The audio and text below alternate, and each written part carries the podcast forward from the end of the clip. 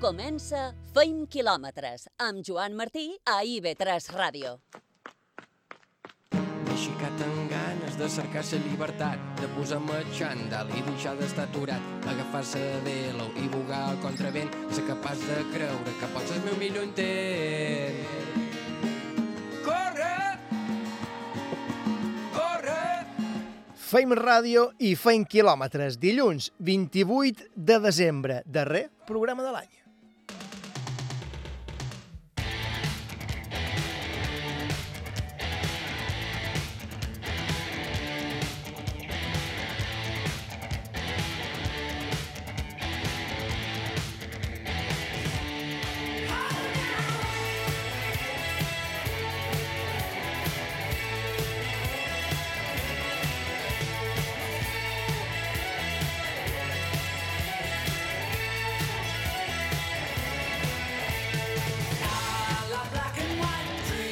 Segons un estudi publicat per l'aplicació Strava, el 2020, l'any del confinament, ha estat, curiosament, l'any que més ha augmentat el número de gent que surt a córrer o a fer esport a l'aire lliure. Quin ha estat el motiu? Tot d'un heu explicar.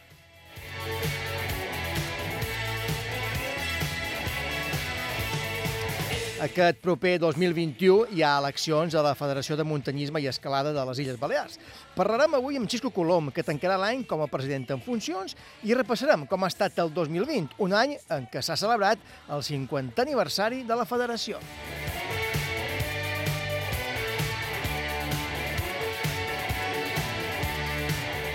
Parlarem també avui amb Lluís Vallcaneres, que presenta la nova guia, la cinquena entrega ja de la sèrie de la col·lecció de les 20 excursions curtes per Mallorca.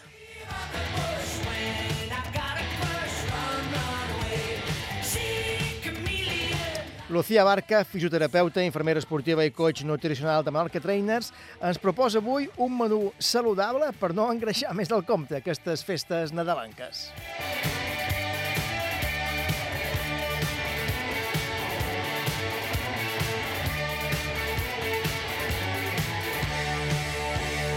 I a la sala de cinema parlam avui de La Caza, pel·lícula de Carlos Saura, quilòmetres d'intriga, tensió i baixes passions i molta, molta testosterona. Serà aquesta la proposta de Carlos Sunyer.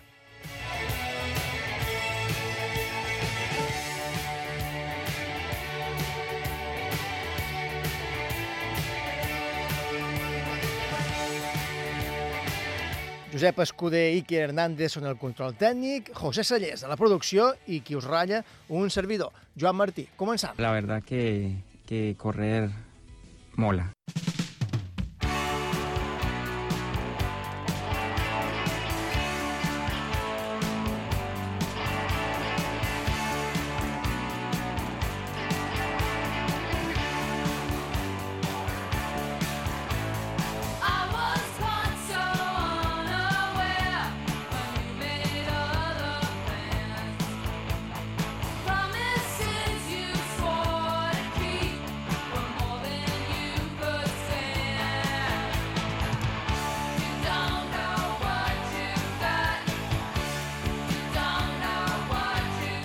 Encetam eh, el darrer programa de l'any i el darrer també d'aquest format de dues, de dues hores. Avui encara serem amb vosaltres de les 9 a les 11 a partir de la setmana que ve ja, a partir de dilluns, dia 4 de gener, fent quilòmetres continua, continua, també els dilluns, però serà de 10 a 11, durant una hora serem a- amb vosaltres. Serà més curt, però podem dir que serà més intens. José Sallés, bon vespre. Bon Tu vespre, també, Joan. també seràs, no? Sí, mos han reservat molt de quilòmetres per el 2021, per tant, hi han de ser. eh, en tenim molts per fer, molts per fer encara. Per cert, dèiem, ara que enguany, curiosament, any de confinament, n'han fet o sigui, més que mai. No els han fet a, a l'aire lliure tots, però tant dins com fora, eh, diu els estudis que se n'han fet bastants. Sí, així ho conclou un estudi elaborat per l'aplicació Strava. Eh, aquest any 2020 els espanyols han fet més esport que mai. Una aplicació nord-americana, crec que és això, no? Sí, això mateix. I, I en quin tant per cent se n'han fet més? Ho tenim. Sí, doncs mira, segons aquest estudi, s'han registrat en aquest any 2020 un 33% més d'activitats eh, en aquesta plataforma a nivell global, passant de 822 milions de l'any passat a 1.100 milions, eh, Joan. Clar, Fixa't. clar que, que va començar la desescalada i, i va sortir... Tothom va sortir a córrer. sortir a córrer eh, en massa a fer esport a l'aire lliure, fins tot tota aquella gent que no havia sortit mai, no? Sí, eren moltes ganes, molts de quilòmetres acumulats que tenien que sortir de qualque manera.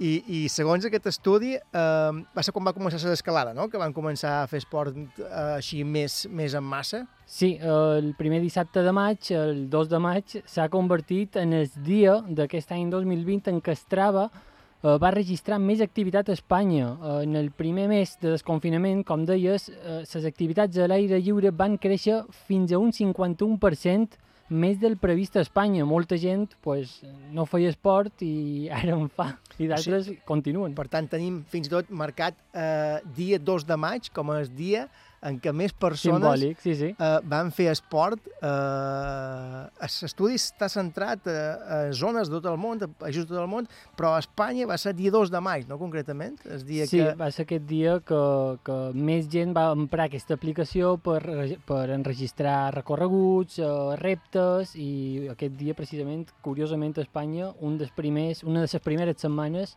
d'aquesta desescalada que se va fer. I, I quins esports eh, predominaven després, o en aquests inicis de la desescalada? Eh, perquè no només era córrer. No, eh, córrer era una de les principals activitats, però no només era córrer. L'activitat eh, principal o de les preferides pels usuaris ha estat caminar a l'aire lliure, normal, el 2 de maig, després d'estar tantes, després d'estar tantes setmanes tancats. Eh, caminar a l'aire lliure, molta diferència, ha estat la principal activitat, però la segona ha estat, eh, han estat, curiosament, esports aquàtics. Eh, també, com dèiem, es córrer, fer ciclisme, senderisme, però també han crescut activitats enguany com la ioga, el kayak o el paddle surf aquest estiu, clar. Eh, Sí, S'han mol, posat molt moltíssim, moda. moltíssima gent que no feia esport n'ha començat a fer i també és cert que molta gent que ja en feia ha intentat fer-ne d'altres, no? Per, per eh, amullar una mica eh, aquesta intensitat acumulada du- durant, durant el confinament. Qui no feia ioga van començar a fer durant el confinament, algú, alguna gent després ho ha continuat, d'altres no, però sí que és cert que hi ha hagut molta més gent que, que ha continuat o que continua ara fent esport. Uh, I també és cert que durant aquests mesos, aquests mesos durs de confinament, uh, se van adaptar a noves rutines, no? Es, es va descobrir l'esport indoor. Sí, i tant, eh, perquè les activitats en interior es van multiplicar, fixa't, Joan, per 4 entre els mesos de març i abril. I el divendres 10 d'abril, que, que va ser festiu a tot el país, va ser el dia en què aquesta aplicació, Strava, eh, va eh, carregar o va registrar més activitats indoor. I si ho mirem per gèneres, uh, qui ha fet més esports? O qui ha fet més esport en guany? Uh, homes o dones? A nivell mundial, eh, les dones han fet més esport bastant més que els homes en comparació en el 2019, però segons aquest estudi d'aquesta aplicació, a Espanya, les dones d'entre 18 i 29 anys han eh, fet més esport que els homes. A la resta de franges, eh, les menors de 18 i les majors de 29, els homes han predominat un poquet més, però sí que és cert que eh, de cada vegada les dones fan més esport i en aquesta franja concreta d'entre 18 i 29 a Espanya, les dones han superat en els homes fent esport. Mm. No només després del confinament, sinó després, o sigui, després del confinament, arrel del confinament i, continu i a continuació després ja de- d'aquella etapa. Això I, mateix. I, clar, quan van sortir de- d'aquell confinament, la gent tenia ganes de fer quilòmetres i també, sobretot, de, de començar a completar reptes, no? Sí, perquè així sabeu eh, en aquest estudi on Strava destaca que en el mes de maig, que va ser precisament el mes de maig, quan més gent es va apuntar a reptes, a reptes que oferia l'aplicació o que ofereix l'aplicació, ja sigui de córrer una distància determinada o en un temps concret.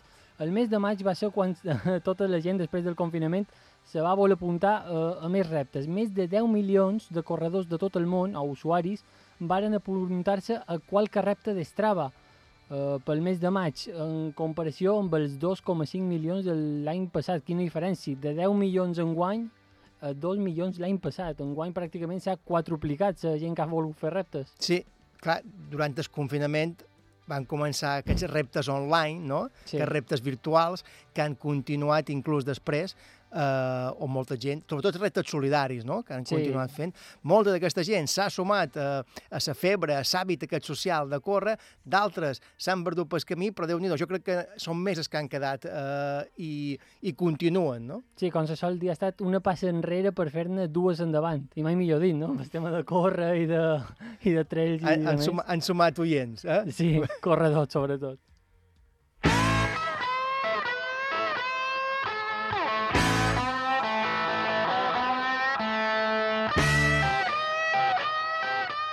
Converses per sortir a córrer. El llibre de Fent quilòmetres. Disponible a la llibreria.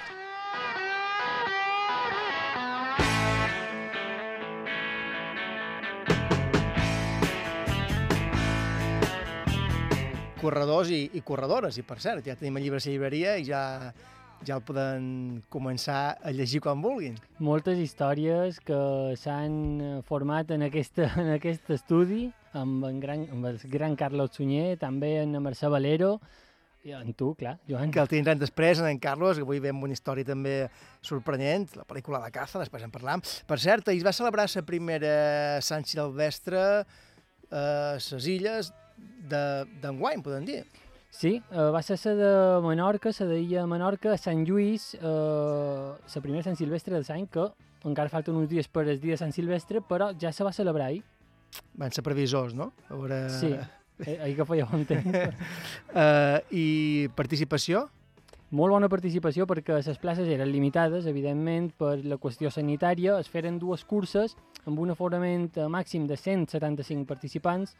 En una d'elles es, va es van esgotar tots els dorsals i a l'altra, segons l'organització, només en quedaren 38. Per tant, eh, molt, molt bona participació per acabar aquest any eh, corregent. és el que parlàvem ara. Després del confinament, molta gent s'ha afegit a, a, en aquest hàbit social de sortir a córrer.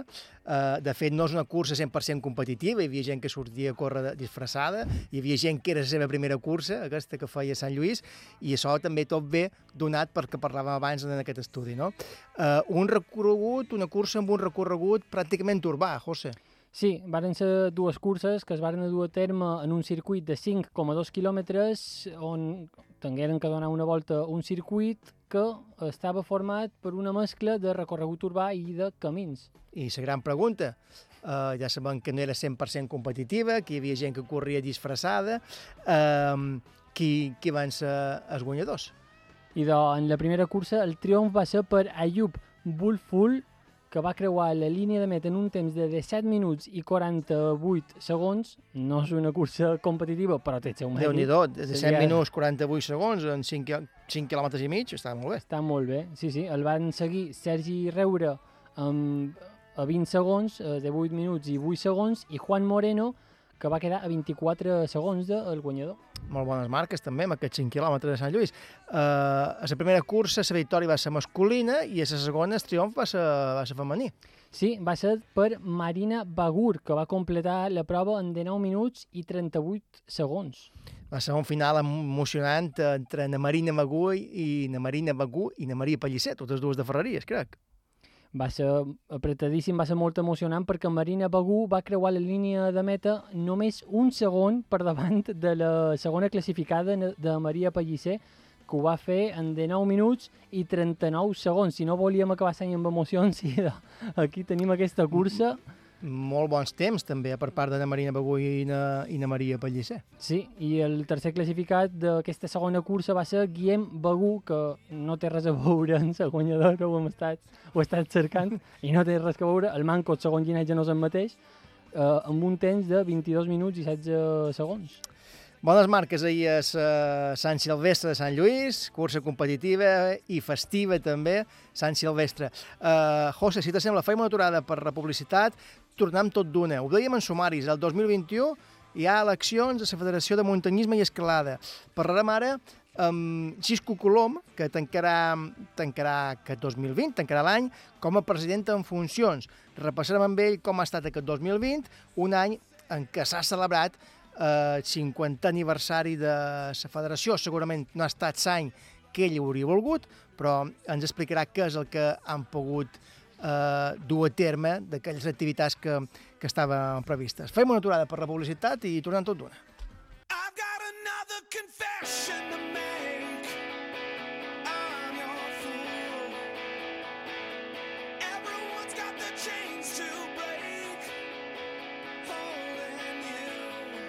Visca 20 quilòmetres!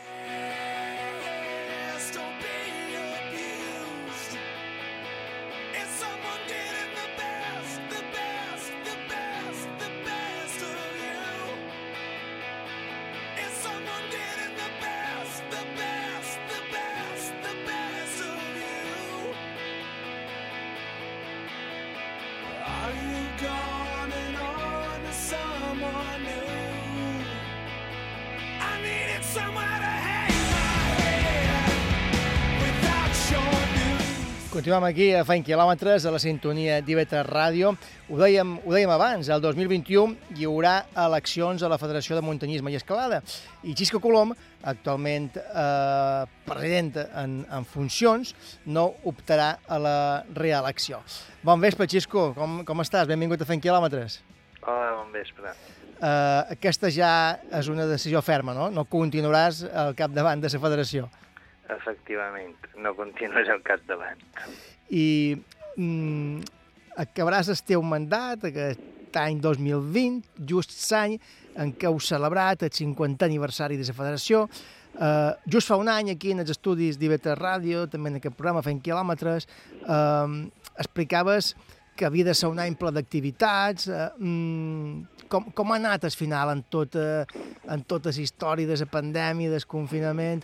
Uh, què, s- què s'ha pogut fer? Quina valoració fas d'un any que havia de ser un any tan important per la federació? Bueno, no, ha estat un any que no s'ha pogut fer pràcticament res. Sí que han pogut, com te vaig mostrar, aquells tubulars, eh, tots els federats, tots, Uh -huh. tots els federats van rebre el seu tubular quan se van federar, i poc més, perquè les altres activitats estaven previstes a partir de març i se va haver de suspendre tot. I ja no, no ha hagut oportunitat de fer massa cosa més. La Federació de Muntanya començava a caminar cap allà al 1970, heu crescut en socis, en llicències... Eh, sembla que també hi ha ara més interès eh, per accedir a la presidència. Candidats no, no en faltaran. Bueno, això sol passar quan eh, el candidat o el president diu que ho deixa, sempre ha més interès a qualcú a, a presentar-se. Ara, mm, quan jo vaig entrar, eh, no n'hi havia cap ni un. Aquí, aquí anava, que, en aquest sentit Ningú- ha canviat ningú, també, no? Ningú volia es mal de caps. En aquest, en aquest sentit ha canviat també. Eh, Hi ha més socis, hi ha més llicències. Abans eh, gairebé mm, accedir a la presidència, a optar eh, tirar, a tirar d'escarro, com es diu, no era un mal de cap que pocs volien assumir, però enguany sembla que hi haurà eleccions i sembla que hi haurà més de dos candidats, i això és bo pel muntanyisme. Sí, sí, això és bo, això és bo perquè se presenten noves idees, noves formes de veure el esport de muntanya i, i crec que és positiu. Avui la Federació de Muntanyisme i Escalada inclou comitès de, de marxa nòrdica, eh, competicions, eh, tallers... Ara que acabes, què és allò que te fa sentir més orgullós d'aquests anys al capdavant de la federació? Home, haver aconseguit eh, arribar aquí. Jo vaig entrar a la federació, hi havia escasi, escasament 1.200 federats. Eh, la federació no fa absolutament cap tipus de de quasi res. Estava, era una federació amb un engranatge completament oxidat. Se començaven a fer algunes curses per muntanya, s'havien fet algunes competicions d'escalada, encara que són molt complicades d'organitzar, però estava tot aturat, no hi havia... L'escola havia desaparegut, l'escola de muntanya, estava en una situació de completament enquistada. I, bueno, el repte va ser tornar-la a posar en marxa. I crec que durant aquests anys han fet moltes, moltes coses en tots els àmbits. En àmbits senderistes s'ha reparat el refugi d'en Xinquessada en els cornadors, s'han fet trobades trobades de, de senderistes, trobades de senderistes veterans, arreplegades de, de grups mallorquins, de coses de ja dic, en món de senderisme. En el món de l'escalada ha estat un poc més, més difícil perquè l'escalada és molt individualista i costa bastant, costa bastant entrar-hi si no ets directament de, del món de l'escalada. S'han anat fent coses, sí que han fet, han tingut selecció d'escalada, s'han participat a proves eh, de Copa d'Espanya, han aconseguit medalles d'home, medalles de plata, medalles de bronze, en quant a competicions. Es, en el món de les curses per muntanya ha crescut una barbaritat. També s'han aconseguit diverses coses. Eh, en el món de la marxa nòrdica igual.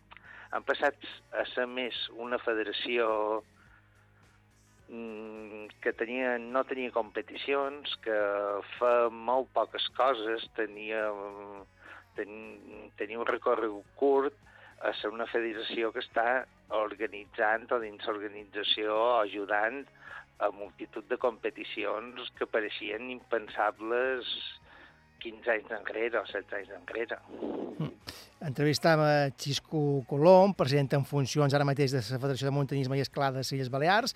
No optarà a la reelecció, que el 2021 hi haurà, hi haurà eleccions.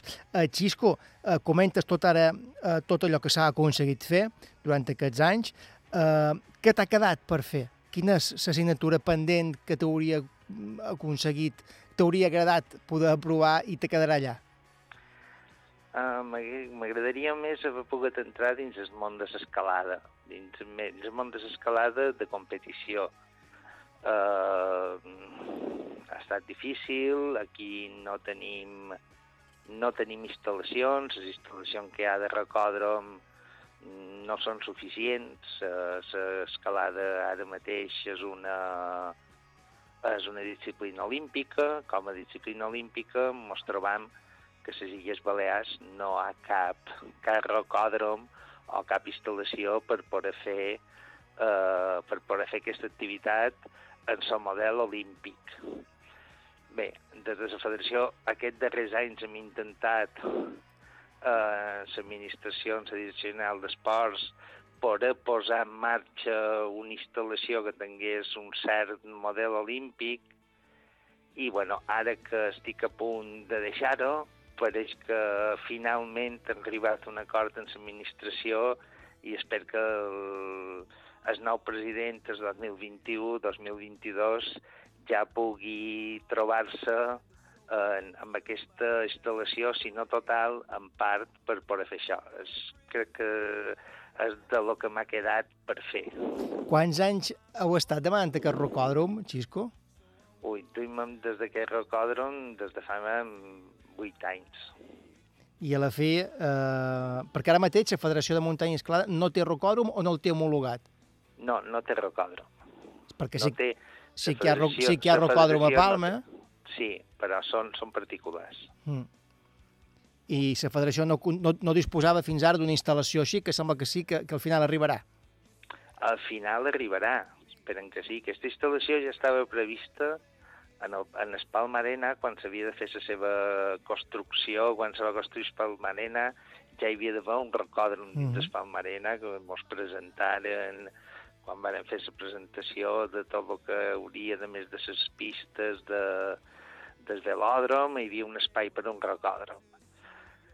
Hi va haver diners per aquest rocòdrom, però se varen diluir amb altres coses. Però bé, perquè finalment eh, amb aportacions, perquè recordem serà al final una aportació de la federació, la instal·lació serà la federació, eh, el material tot ho poses a la federació, serà un recordem propi, no serà de l'administració, però l'administració aquí sí que ens cedeix un espai per, per fer aquesta instal·lació dins el, dins el Palmarena o dins el Velòdrom Illes Balears. I ara que no, no optaràs a la reelecció, després de, de 8 anys són que has estat, sí, no? No, 16. Després de 16 anys a la federació, um, quins, o quines són o quines són les primeres passes que creus que hauria de prendre eh, la nova presidència, la nova junta directiva que arribés eh, a la federació? Cap on, cap on els aconsellaries? Mm, que s'han d'armar de paciència, omplir molt de sacs de paciència i perquè no és només el que hi puguin pensar o vulguin fer, sinó que llavors te topes, te topes en les administracions i el que tu pensaves que podries fer d'una manera, finalment o s'allarga o, o has de cercar altres camins alternatius.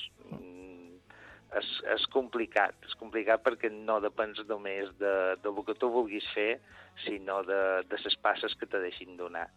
I més en muntanyisme, que no només hem de comptar eh, en, en la part esportiva, sinó que ens trobam en tota la part mediambiental que, que hem de conservar, que sí, que volem, però entram dins un altre espai que no és esportiu i moltes vegades la part esportiva no està ben vista pels conservadors de la natura, la qual hi ha una mica de xoc i has d'anar un poc eh, tenint mà esquerra i veient com pots anar fent les coses. Sí, com ha gestionat com a president aquest xoc d'interessos entre els senderistes que surten a passejar per la muntanya, entre els corredors que surten a competir per muntanya, entre els escaladors que van a escalar però no està permès els llocs on, on van escalar i demanen altre tipus de, de, de permisos. Com, com s'ha gestionat tot això? Perquè sí que és cert que el que comentaves ara, no? que la federació ha crescut, que hi ha diferents, diferents disciplines dins una mateixa àrea, que és la muntanya,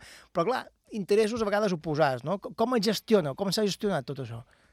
amb molta paciència i, i reunions i reunions interminables. En, en medi ambient hi ha hagut èpoques que han estat reunions, reunions, cada setmana mirant diversos temes, fent, no arribant. Medi ambient també té té diversos, diversos departaments i no és el mateix tratant el departament de conservació d'espècies com en la de com en la de biodiversitat, com en la d'espai de natura balears, és, és, és molt complicada, l'administració és molt complicada i tot tenen la seva part i la seva cosa a dir i poder fer reunions en els tres departaments és molt difícil, en la qual t'havies de fer de, de, de reunions en departaments d'una a l'altra, intentar arribar a acords o formes o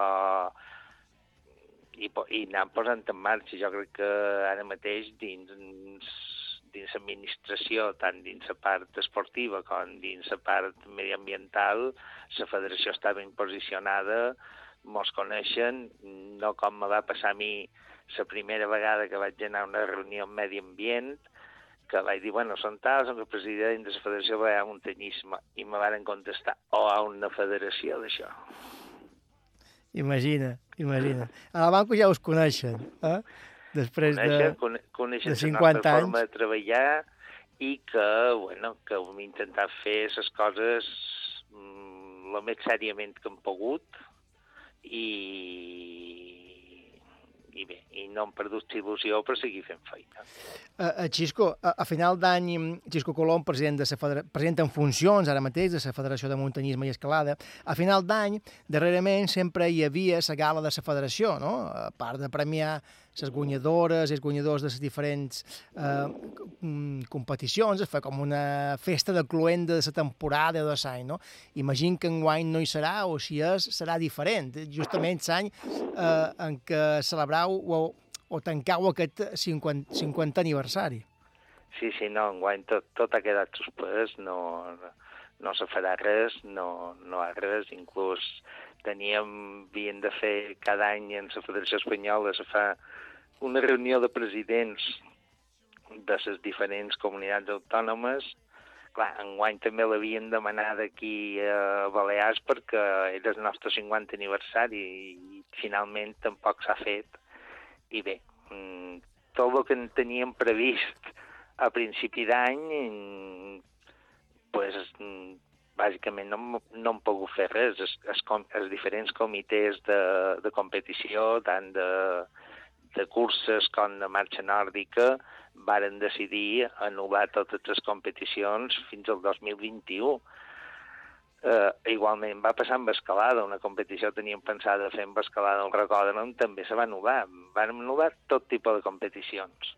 Una Justament. pena. Llavors, potser haguéssim, pogut haguéssim pogut fer qualcuna mm, perquè ja se va com a suavitzar a partir de, de, de final d'estiu, tal, però clar, ja s'havia pres la decisió anterior de suspendre tota competició i tota activitat eh, competitiva dins el món de la muntanya. Ens hem dedicat pues, en petits grups a anar d'excursió, a fer altres coses, a sortir a la muntanya, a gaudir de l'espai, perquè és aquí on més tranquil ens sentim en tota aquesta pandèmia i tot això que ha passat. Aquí, i això ho notam, perquè de cada vegada són més gent a tres cap a la muntanya, de cada vegada més accidents perquè són més gent menys preparada i, i bé, jo aquest diumenge vaig anar a Trescar, vaig trobar amb un grup que anaven amb un mòbil que s'havien baixat un trac i els va dir, mira, veniu darrere nosaltres i vos traurem d'aquest merder perquè fareu un munt de voltes sense saber on vos esteu ficant. I això passa constantment. Mm, Des de la federació sí que heu fet bastanta feina els darrers anys en prop això, no? Um, Sí. Intentar conscienciar la gent que la muntanya no s'hi pot anar si no s'està preparat. Exacte, i els cinc punts bàsics de, de l'hora de sortir a la muntanya, de mirar l'itineraris, saber on vas, avisar, tenir, eh, s- conèixer les teves possibilitats, tot això hem estat eh, dins del comitè de seguretat que tenim a la federació, s'està fent feina eh, promoguent la seguretat dins la muntanya. Però molta gent se, se pensa que anar a fer segons quines excursions és com anar a fer la volta en els misteris de Lluc, i no és així. Parlaves ara abans que s'han hagut de suspendre bastantes activitats, tot i així sí que heu pogut rescatar-ne algunes de manera virtual, no? Crec que hi ha hagut alguna pujada, alguna cronoescalada virtu eh, virtual. Crec que de les darreres coses que heu fet de la federació va estar aquest repte 2020 més 2020. Sí, s'ha intentat fer coses de competicions que fossin de forma individual o, o en petits grups, no, no de forma virtual. Sí, de, se, no hi havia un, totes les taixes de la competició, sinó que era cadascú pel seu compte. S'han fet eh, 10 itineraris senderistes, s'han fet 7 itineraris de marxa nòrdica, s'han fet les cronoescalades i les quilòmetres verticals que, que s'han pogut fer i cadascú pues, eh, les noves tecnologies entregant el track de, de lo que havia fet, fent una inscripció, entregant el track, pues, eh, s'ha anat fent una classificació d'aquestes tres àrees principals, senderisme, eh, marxa nòrdica i curses per muntanya.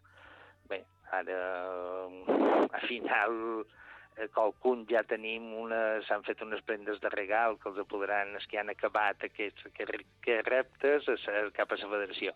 I ara van fer per acabar el 2020, el repte 2020, que era amb unes hores intentar fer un desnivell positiu de 2.020 metres positiu i 2.020 metres negatiu. I ha tingut bastanta acceptació.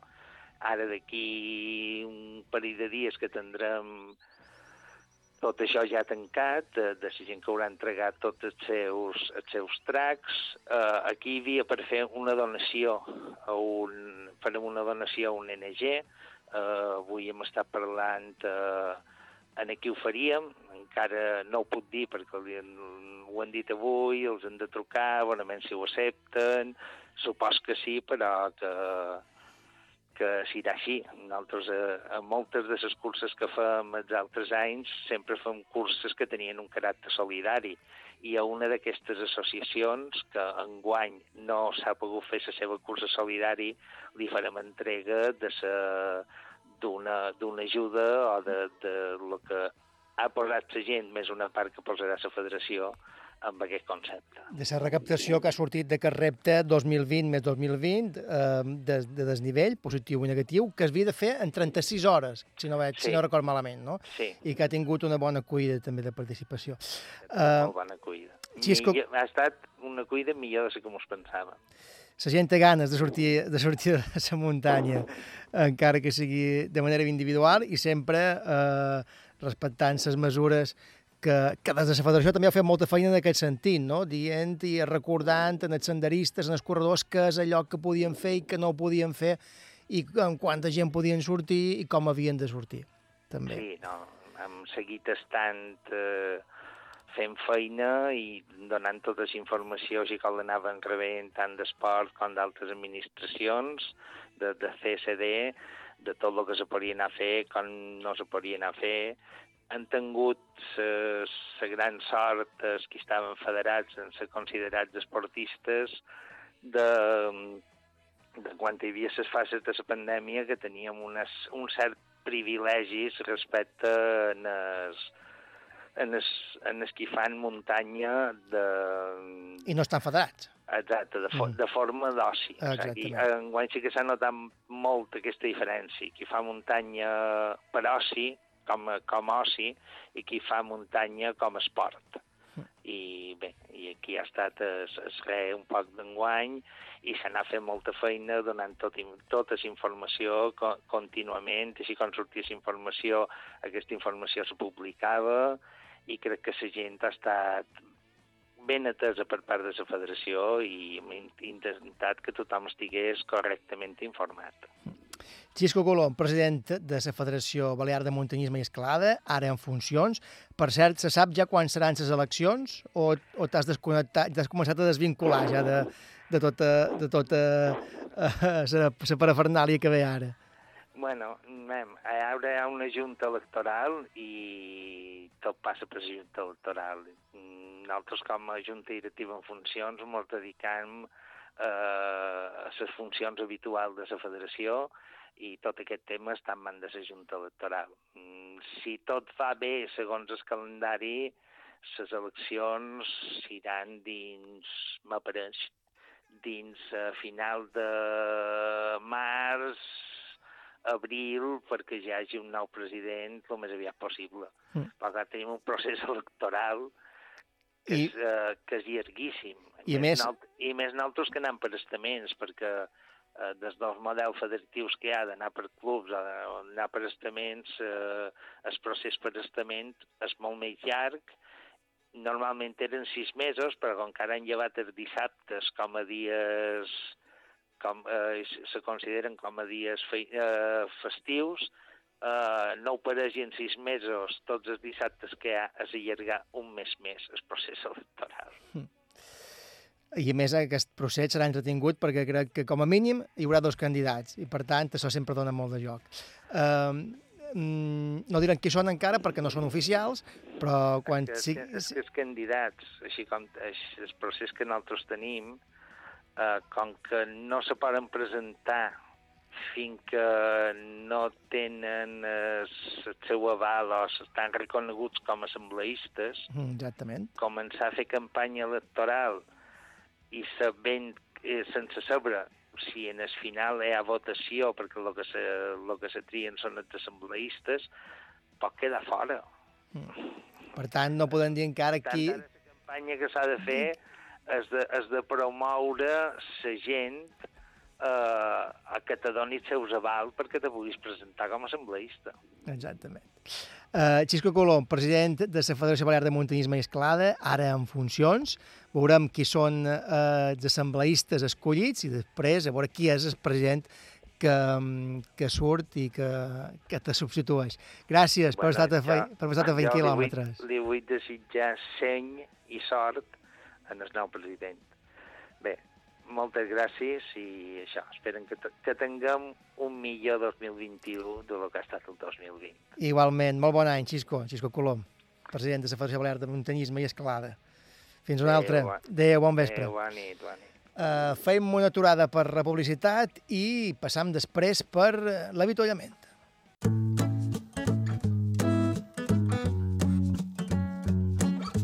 L'avituallament.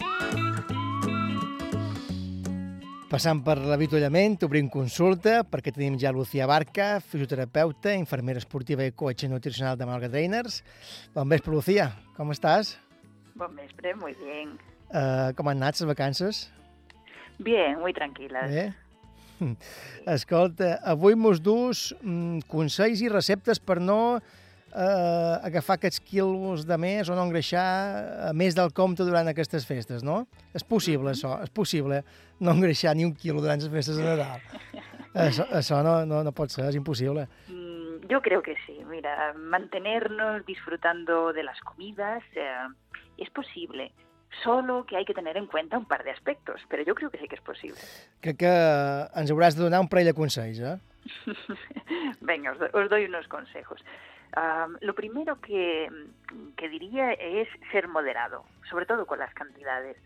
Mm, Estos días de, comidas especiales nos encontramos con muchos platos. Si queremos probar de todo, hemos de hacerlo en pequeñas cantidades, mm, un poquito de cada cosa. Luego el segundo consejo que os daría será hidratarnos bien, beber agua y limitar en la medida de lo posible el consumo de alcohol, porque recordemos que son calorías vacías y suman y mucho, además. Luego también diría compensar, ¿no? Si un día tenemos una comida especial, más copiosa, al día, al día siguiente hemos de intentar compensarlo, ¿no? Intentar de hacer pues algo más ligero, una ensalada, una crema de verduras, algo a la plancha, ah, para, bueno, intentar eh, compensar un poco.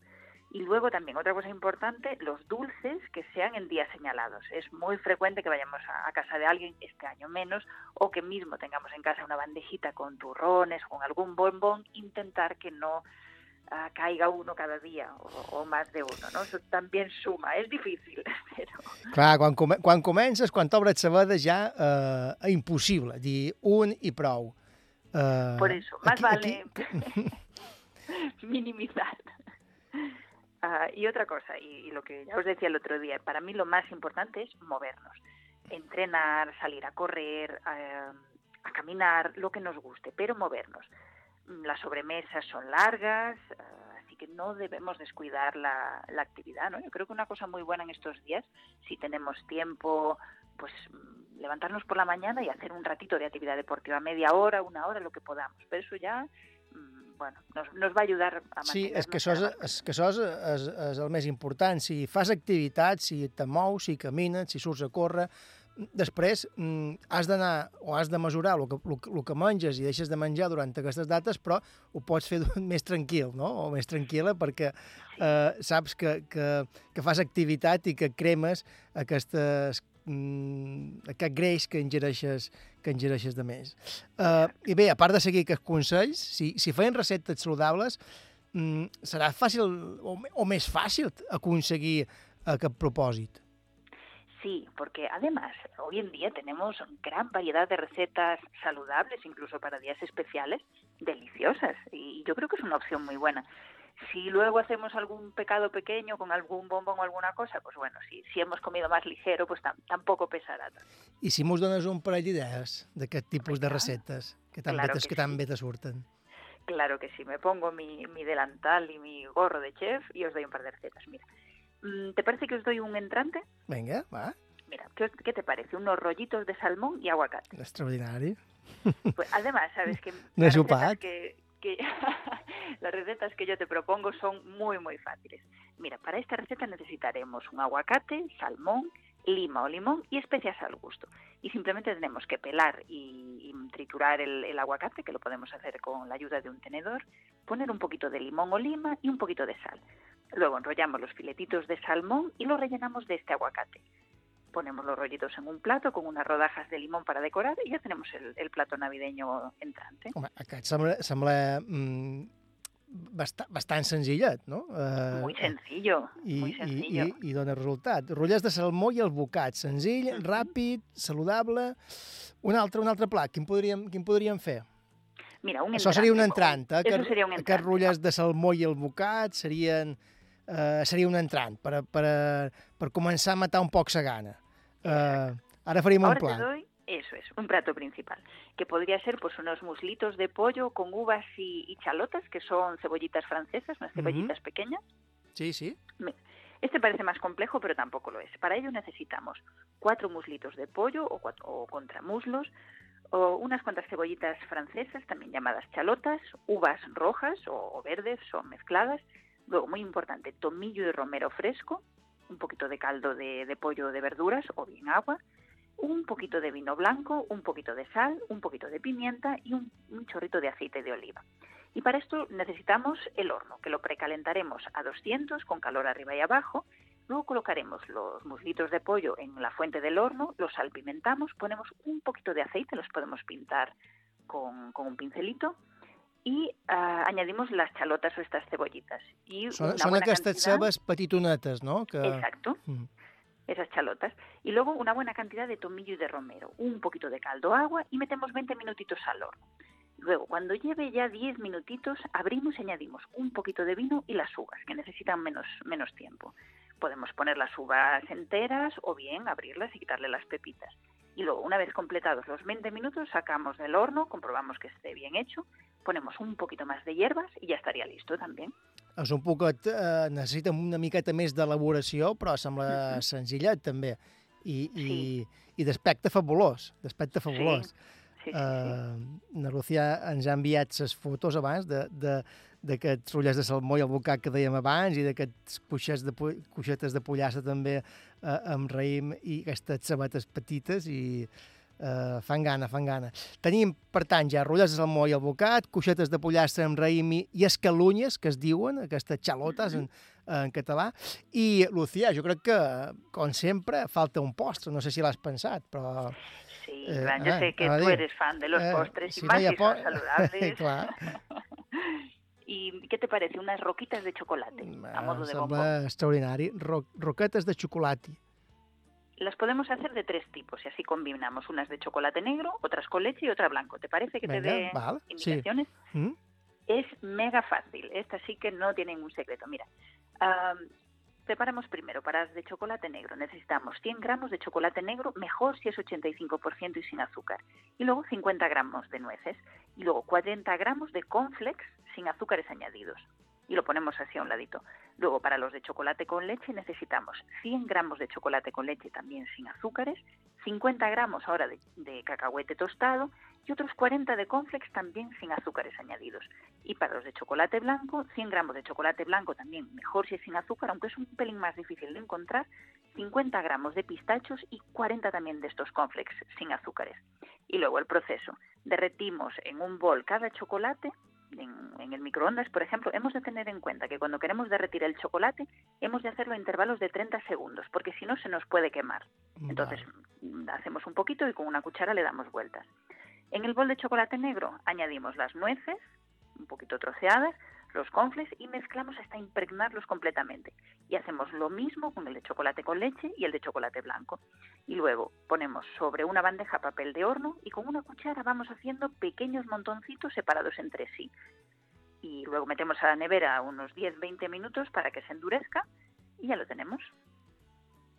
Sembla fàcil, no? Aquestes roquetes de, de, de, de roquetes de, de xocolati. Per tant, tenim xocolati negre, eh, xocolati amb llet i xocolati blanc, no? Exacto. De verdad que merece la pena probarlas. Luego am, veréis las fotos y si no las pongo yo en, en nuestro, en nuestro perfil de Menorca Trainers de redes sociales porque son súper fáciles y quedan muy crujientes, quedan, quedan muy sabrosas y además son... Però no t'he entès, Vamos, aquesta, aqu- aquesta, aquestes roquetes de xocolata, o sigui, mm, queden tres xocolatis fusionats després o són roquetes de xocolata negre, xocolata amb llet i xocolata blanc? Lo puedes hacer de las dos maneras, como prefieras. Yo en la receta, en la fotografía, os pongo separados, una de chocolate blanco, otra con leche y otra de negro, pero puedes hacer como montañitas, de abajo pones chocolate negro, en medio chocolate con leche y arriba la de blanco, o lo puedes hacer todo mezclado, O función de Extraordinari estéticamente como quieres que, que i, quede. i boníssim. Extraordinari. Rotllers de salmó i albocat, cuixetes de pollastre amb raïm i escalunyes, aquestes sabates petites, sabates franceses, que diu una Lucía, i de postre, roquetes de xocolata. Uh, Lucía, Lucía Barca, fisioterapeuta, infermera esportiva i coach nutricional de Menorca Trainers. T'esperam la setmana que ve, primer dilluns de 2020. Mm. Serà més tard, ja. Saps que el programa serà de 10 o 11 del vespre, però aquí t'esperam igualment. Aquí estaré. Vindràs dilluns que ve, a partir de les, Claro sí. a partir de les 10, amb un altre, un altre consell saludable. Claro que sí. Adéu, Lucía, bon vespre. Una abrazada. Adéu, Adiós. una abraçada. Hola, soc Namavi Garcia i aquí fan quilòmetres.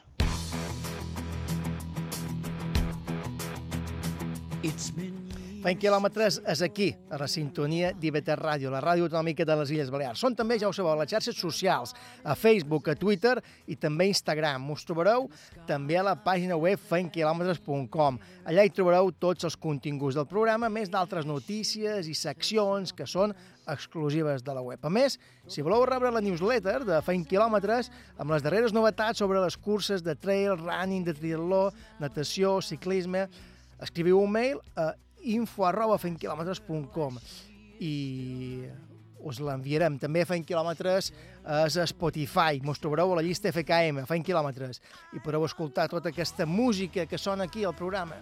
I run for the truth,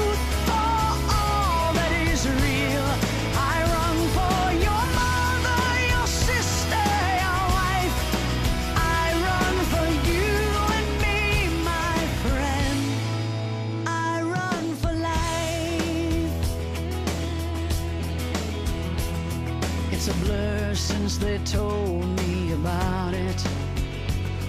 How the darkness had taken its toll. And they cut into my skin, and they cut into my body, but they will never get a piece of my soul. D'altra banda, per escoltar el programa teniu diverses opcions. A partir de la setmana que ve, ja ho dèiem al principi, a partir de la setmana que ve començam una hora més tard. Serà cada dilluns, també, però en lloc de 9 a 11 serà de 10 a 11 del vespre, aquí, també a la sintonia d'IV3 Ràdio. També ho podeu fer a la carta a través de la web d'IV3. Podeu triar i podeu escoltar feint quilòmetres en qualsevol moment del dia. Though the pain is miles and miles behind her, and the fear is now a docile beast. If you ask her why she is still running, she'll tell you it makes her complete. I run for hope. Fem una aturada per les notícies de les 10 i tornant tot d'una. all that is real.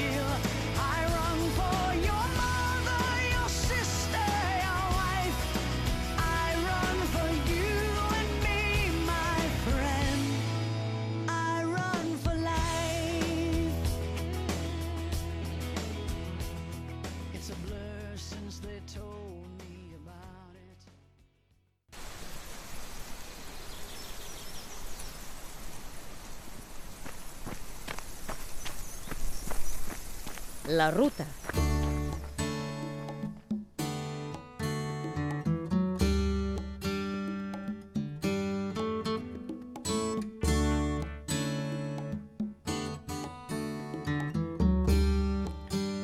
Recuperam avui una, una vella secció, una antiga secció. Parlem avui amb un dels autors més prolífics, podem dir, de, de, dels darrers anys. Pocs com ell poden dir que el 2020, per exemple, ha escrit i publicat dos llibres.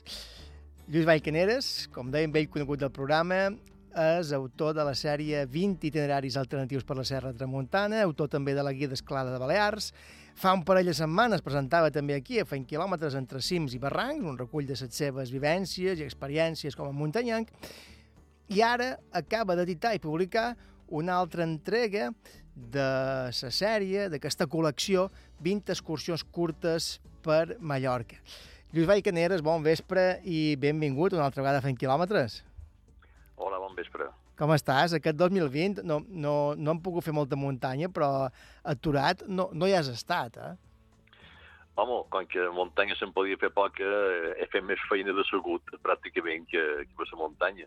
De fet, aquell llibre, la meva intenció era que sortís per, a- per Sant Jordi, allà per mes d'abril, però va, passar, va anar com va anar, i al final que vaig sortint a final d'any. Però, bueno, bé, eh, la qüestió és que al final ja està, ja està d'esquerrer i, bueno, de moment va bé. cinquena entrega de la sèrie 20 excursions curtes per Mallorca, una col·lecció que, com bé expliques, són curtes en el temps, en durada, i curses també en distància, no tenen molts de quilòmetres eh, eh, a recórrer. En aquesta darrera entrega t'has centrat en les zones de Pollença, Costitx i Llubí.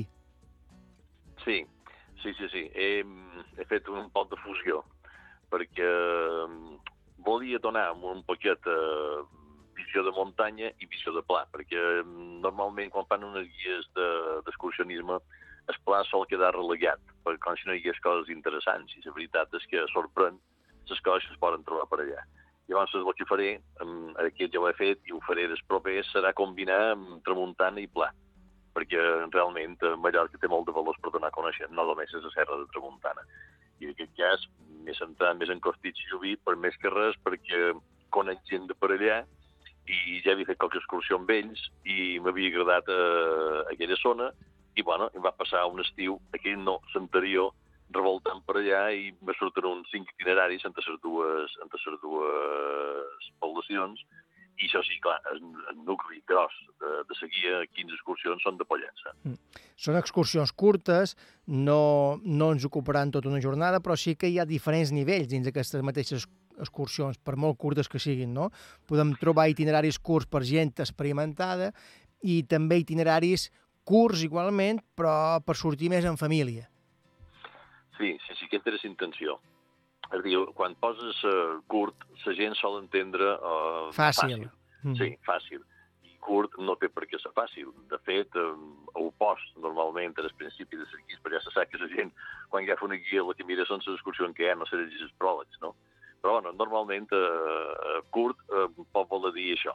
Mm, per exemple, passejades com la de Costitxa a Llubí, hi ha, hi ha qualcuna que, bueno, no necessites pràcticament ni calçat adequat, amb unes sabatilles de deport ja va bé.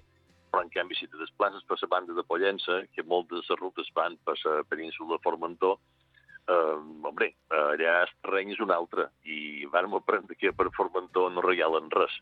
I llevat de qualque excursioneta que, bueno, que sí, que, que és més apte per fer en família, sa, el nucli gros de les excursions de Pollença no és per principiants, és per gent que ja més o manco d'un rodatge dins la muntanya mallorquina i s'ha llegit terreny. Són 20 excursions repartides, com bé dius, entre Pollença, Costitx i Llubí. D'aquestes 20, el nucli, el nucli gru, gruixat, 15, pertanyen a la zona de Pollença, que és una zona bastant particular, com expliques en el llibre. Uh, però també ja ho dius davant davant, no? Uh, N'hi ha- n'hi n'hi falta una que no surt en el llibre, que per tu és una de ben emblemàtica, que és la cabana del Castell del Rei. Mm, per, què, per què no l'has inclosa?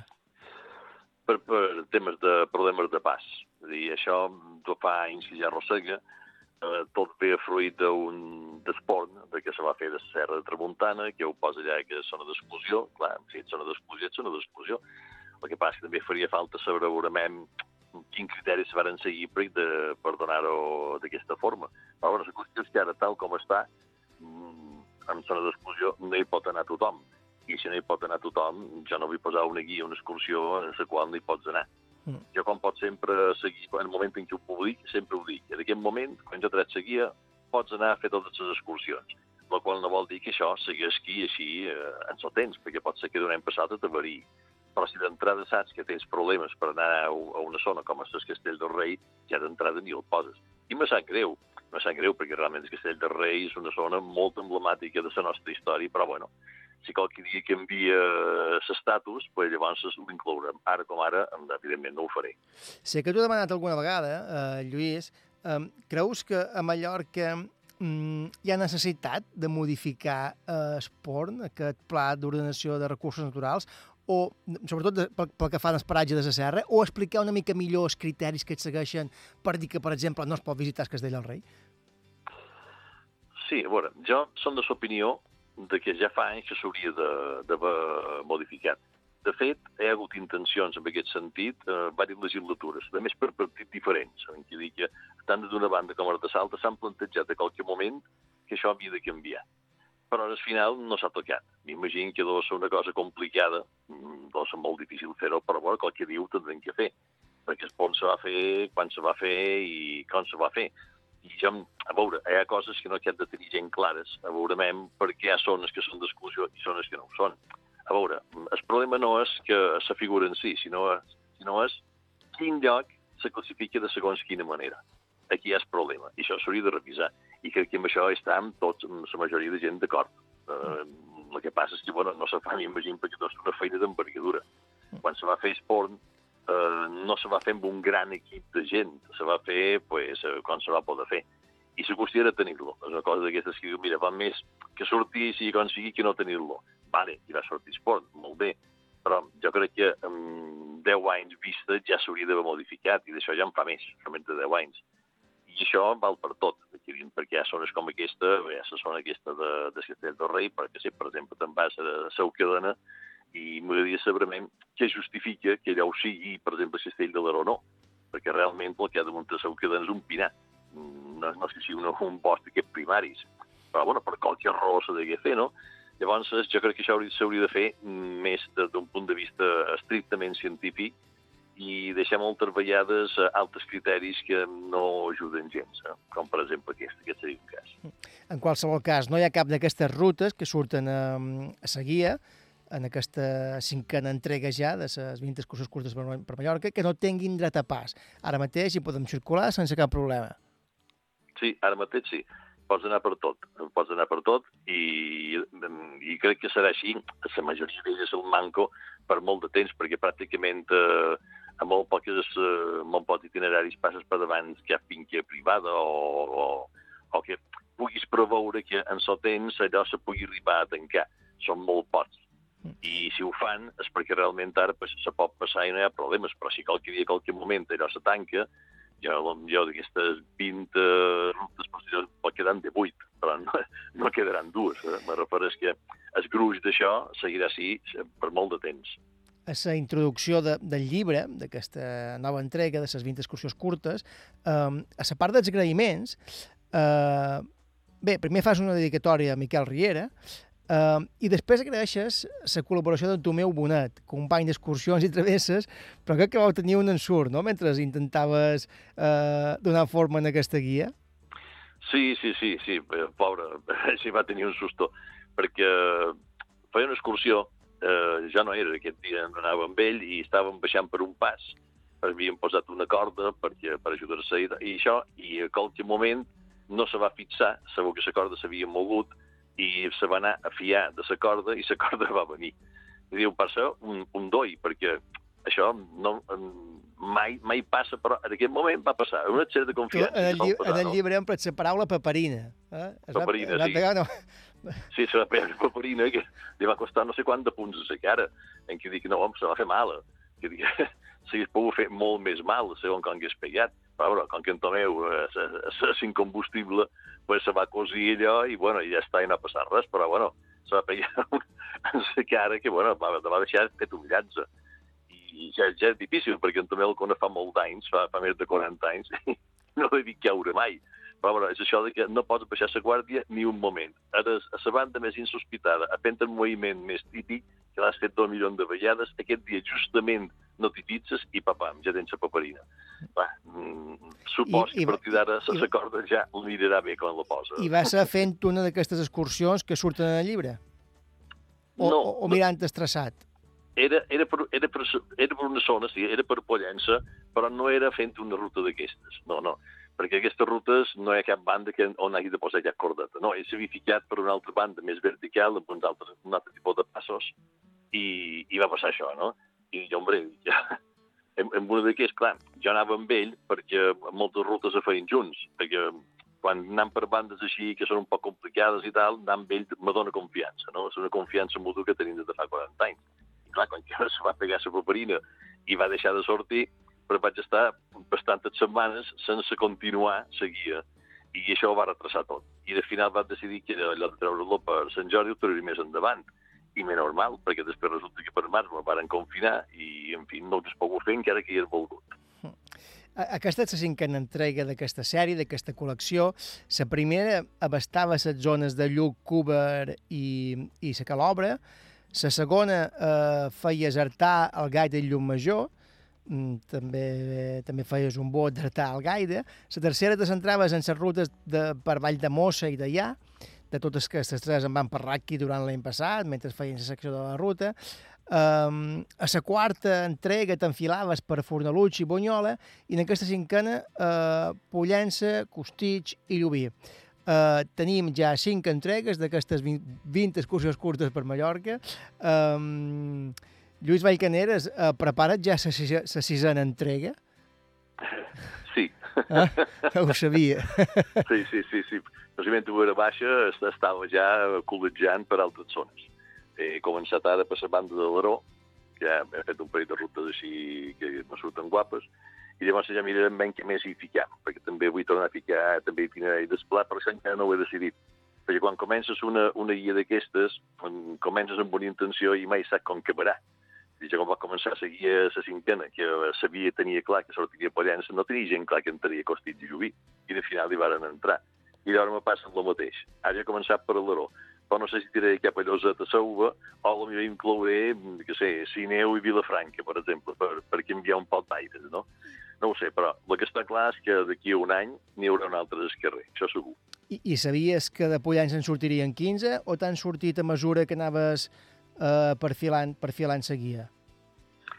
Us vaig dir, mm, va pensar, això va pensar perquè, clar, Pollença, eh, podies fer servir, servint perfectament de Pollença. I jo tenia intenció de ficar itinerari d'esplà. Llavors vaig haver de seleccionar quines volia i en quin número, en quina proporció. Jo sé que la gent que fa muntanya, evidentment, si hi ha muntanya és una cosa i si no hi ha muntanya és una altra. Per tant, els itineraris de muntanya havien de ser la majoria de la guia. I els itineraris, pues, bueno, posa-los perquè, per exemple, en aquest cas, itineraris per fer en família, en sornins, això, per Pollença en surten pocs, però en canvi, l'altra banda, sí ho són. I al final va ser una decisió de darrer moment, que es fossin 15 d'un i 5 de l'altre. I com que crec que és una, una, una combinació bastant bona de muntanya i pla, crec que la mantindré. I ja de cara a la sisena, pues, serà una cosa així. Hi haurà uns 15 itineraris de, de serra i uns 5 que siguin de pla. I aquests itineraris, o aquestes excursions, aquestes rutes, eren ja itineraris marcats o són itineraris que eh, mm, heu traçat vosaltres i els heu convertits en ruta? Per exemple, Puig de Sàguila, la Mola, una excursió que sortim de la cala de Sant Vicenç, a Pollença. Aquesta excursió ja existia eh, i vosaltres mm, la traçau i deis per on s'ha de passar o a partir de de, del vostre caminar, que diguem, surt l'excursió? Bueno, quan te fiques dins la, dins la muntanya, eh, trobes molt de camins traçats i trobes moltes, moltes bandes que estan fitades i el que cerques són itineraris que quedin més o menys costètics. És a dir, que mm, procur començar i que va, que siguin el més circular possibles, mantenint que, que siguin curtes eh, en sotens o en la distància o en les dues coses, i ho va dissenyant un paquet damunt del mapa. I la ruta, per exemple, per pujar Puig de Sàguila, pues, Puig de Sàguila, la gent hi va, ja hi va el Puig de Sàguila. Però, però a lo millor pues, ho fa d'una altra manera. I faig Sàguila de la Mola i baixant per aquella, per aquella cresteta me quedava un itinerari guapo, però llavors es faig aquesta en concret. I no vol dir que no hi, no hi passi gent per allà, però a lo millor fent aquesta ruta en concret, combinada d'aquesta forma, a lo millor no és tanta gent. La veritat és que no ho sé, però jo ho miro damunt el mapa i quan acabes la ruta, se'n vas en la GPS, sempre m'agrada mirar com ha quedat, la forma que té, el dibuix que té. I en el dibuix ja te fas una idea de si aquella ruta ja és bona i és definitiva o si no val la pena i l'has de de- desestimar i posar-ne una altra. Si voleu conèixer racons de Mallorca, en aquest cas de la zona de Pollença, Costitx i Llubí, teniu disponible ja la cinquena entrega d'aquestes 20 excursions curtes per Mallorca. Anireu, anireu sempre ben assessorats i si voleu eh, fer una ullada a altres de altres entregues d'aquestes 20, excurs- 20 excursions curtes, en teniu 4 per, per triar i en Lluís Vallcaner es prepara ja la sisena. O sigui que excursions per fer eh, no els faran totes el 2021, encara, Lluís. No, no, no, ara que hi ha tanta gent per la muntanya, dic, jo no sé per què van tots allà mateix, dic, no serà que no hi ha guies, perquè les meves no són les úniques, hi ha altra gent també que fa guies. Hem d'agafar un llibre i anar excursió per, excur excursió, per excursió. Així Eh, és.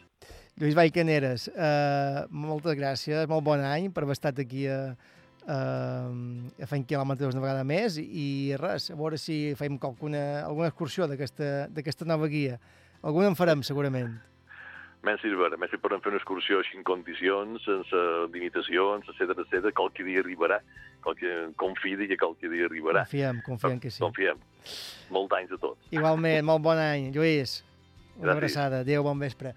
Adéu, bon vespre. Feim ara una, res, una petita atura- aturada per la publicitat i en tornar arriba Carlos Sunyer eh, amb una proposta molt interessant avui. La caza, de Carlos Saura. Eh, quilòmetres d'intriga, tensió i baixes passions i molta, molta testosterona rere quatre coners. Ara en parlam.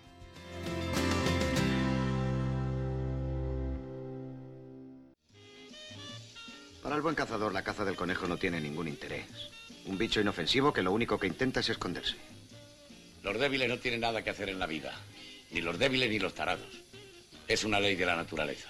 No lo dirás en serio. En lo de la caza tiene razón Luis. Al conejo se le dan pocas oportunidades para defenderse. Cuantas más defensas tiene el enemigo, más bonita es la caza. Se lucha de poder a poder. Por eso alguien dijo que la mejor caza es la caza del hombre. La pel·lícula.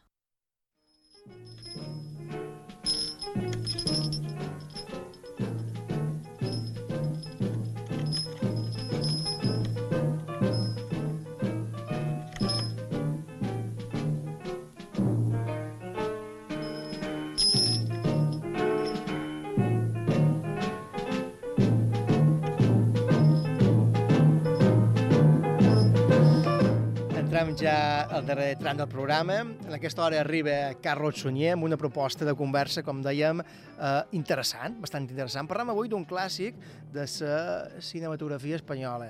Parlam de, de La caza, de Carlos Saura. Bon vespre, Carlos. Bon vespre, Joan. Bon vespre, benvingut a Fent Quilòmetres.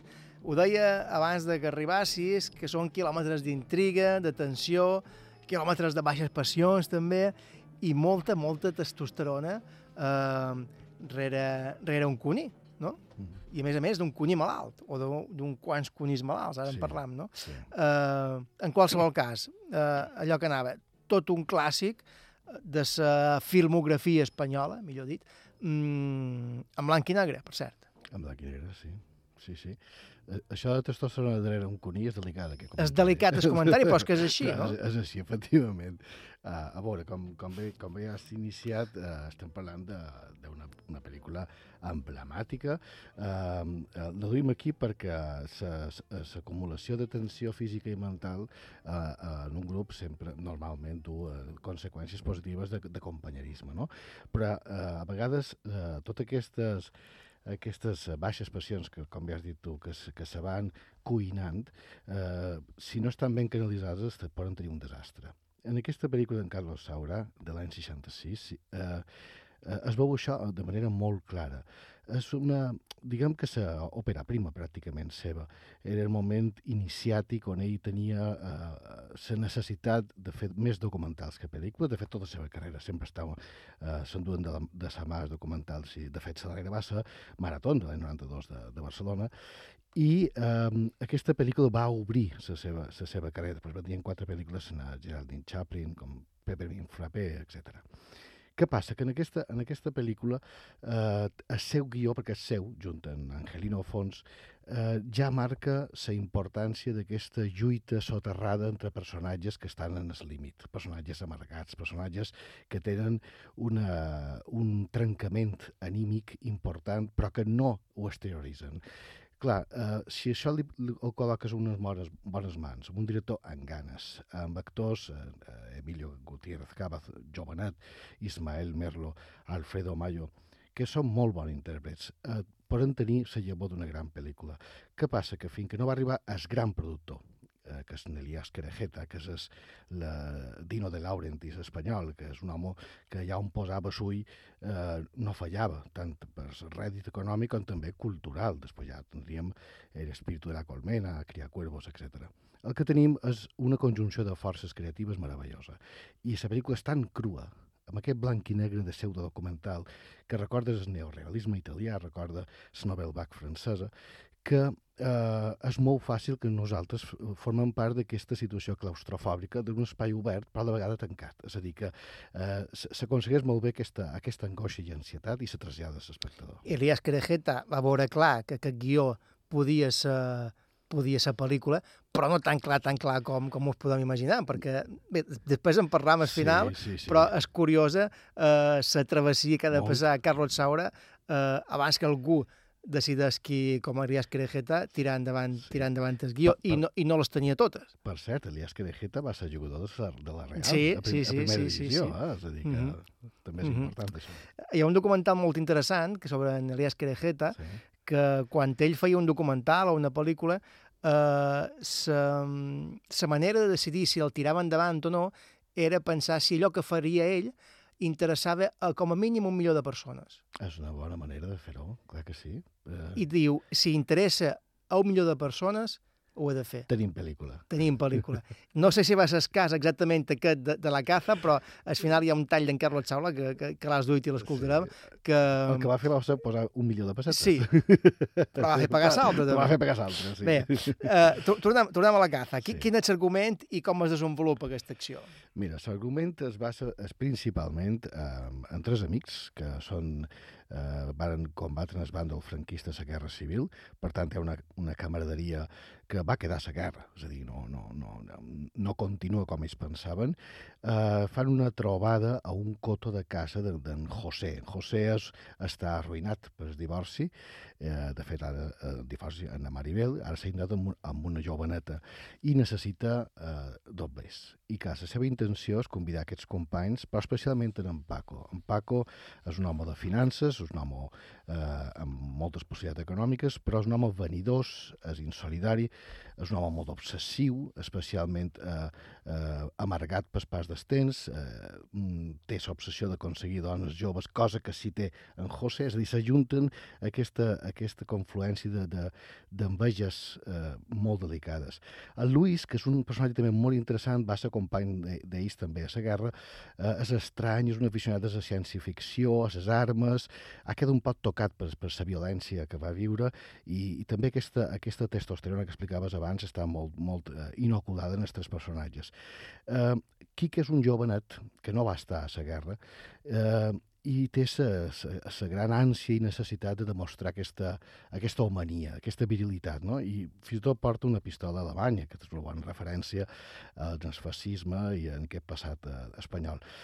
I té una set de violència enorme, té una gana de disparar i de demostrar que, que és com els altres. Hi ha personatges interessants també com en Juan, que és el guarda pobre d'allà, que és coix, que és un home bastant miserable, que posa ceps i, men i cepos, no? I, que, i que menja aquest conills que a sobre estan malalts. Um, eh, la seva neboda, que serà una tentació per en Paco, en definitiva. Clar, què passa? En aquest Coto va ser camp de batalla a la Guerra Civil. Això és interessantíssim, perquè, clar, se queda una trasllada, se trasllada, trasllada espacial d'un joc uh, a cronològica a, a, a un altre. Molt bé, uh, el risc uh, es, serà continu entre aquests, entre aquests personatges, perquè, clar, eh, quan té aquesta confluència de males vibracions... Mira, jo me recordo, no, no arribaria tres anys en el, en, en el Everest, en, en Willis Tech, en Simone Moro, que està a Cèlit, i un fotògraf que domia en, en Jonathan Griffith, eh, tenien aquesta mateixa situació amb els Sherpas, perquè d'unes expedicions anteriors no s'havien duit bé, no havien pagat el que tocava, i hi havia aquestes males vibracions però no se van exterioritzar. Te pot creure que a 1.470 metres tot això va esclatar, amb, amb un xerpa tirant una pedra, i és dels pocs casos de la història de l'expedició d'alta muntanya que van acabar pioletades, és a dir, va haver tres ferits, van acabar a Camp Mandú, van avortar, és a dir, que és fàcil que es produeixi una explosió quan no s'ha anat exterioritzant el mal rotllo que hi ha entre els membres d'un grup. Tenim ja eh, els personatges definits, sabem quin serà l'escenari, un terreny de caça que anys enrere havia estat cap de batalla de, de la Guerra Civil, i abans d'entrar en acció, els tres protagoni els protagonistes expliquen què significa per ells això de sortir a caçar conills, no? Sí. No són ni perdius ni altre mm. tipus d'animal. Mm, són a la caça del conill, no? Mm, fins i tot eh, hi ha oculta una certa concepció del món i de, i de sa vida en aquesta, en aquesta filosofia sobre la caça del conill. Para el buen cazador, la caza del conejo no tiene ningún interés. Un bicho inofensivo que lo único que intenta es esconderse. Los débiles no tienen nada que hacer en la vida. Ni los débiles ni los tarados. Es una ley de la naturaleza. ¿No lo dirás en serio? En lo de la caza tiene razón Luis. Al conejo se le dan pocas oportunidades para defenderse. Cuantas más defensas tiene el enemigo, más bonita es la caza. Se lucha de poder a poder. Por eso alguien dijo que la mejor caza es la caza del hombre. ¿Qué dices tú? La caza es como todo. El pez grande se come al chico. Eso depende. A veces pasa lo contrario. Mira las pirañas. ¿Y eso qué es? Cuéntaselo, Luis. Sabe mucho de esas cosas. Ahora le he dado por ahí por leer noveluchas de marcianos. Las pirañas son unos peces carnívoros que hay en el Amazonas. Cuando huelen la sangre, atacan en masa y devoran a un buey o a una persona si se tercia en un santiamén. Solo dejan los huesos. Aquí ja apareixen les primeres discrepàncies entre ells, no? Els febles no tenen res a fer Mm. en el món, explica. És molt curiosa aquesta mescla i està molt ben feta entre to de documental sí. i to de cunyat. Efectivament, efectivament, perquè a sobre són declaracions fetes a càmera, és a dir, eh, ens estan mirant a nosaltres com t'ho estan dient, en teoria és entre ells, però clar, són declaracions de principis eh, que deixen molt clar eh, eh, cap a on va cada, cada un d'aquests personatges. Clar, el Lluís que diu que sa, no, sa casa d'esconir no és interessant, un caçador de veritat no, no, no, No, no, que, no, no va darrere quedarà frustrat i acaba eh, parlant de la caça humana. Clar, ja, ja tenim que el guió constantment s'està donant eh, eh, senyals de, de què vendrà després.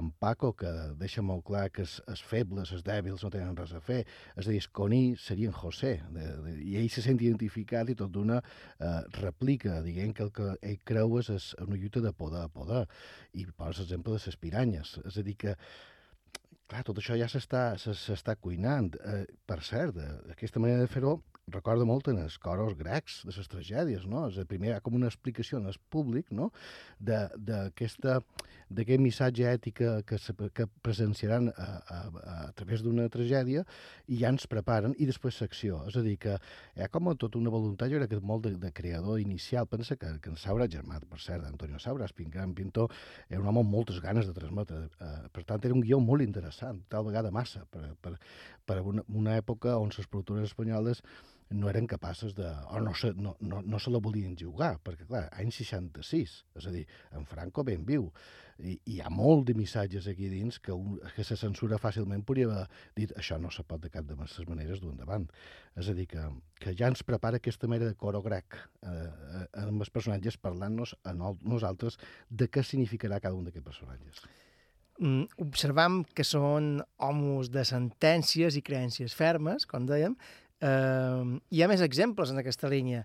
Eh, en Juan, que és un guarda, un guarda coix, sí. eh, mm, a distància, en Quique li diu, eh, o bé, o parla amb una de- denostable no? falta de, de sensibilitat cap, a, cap als coixos, no?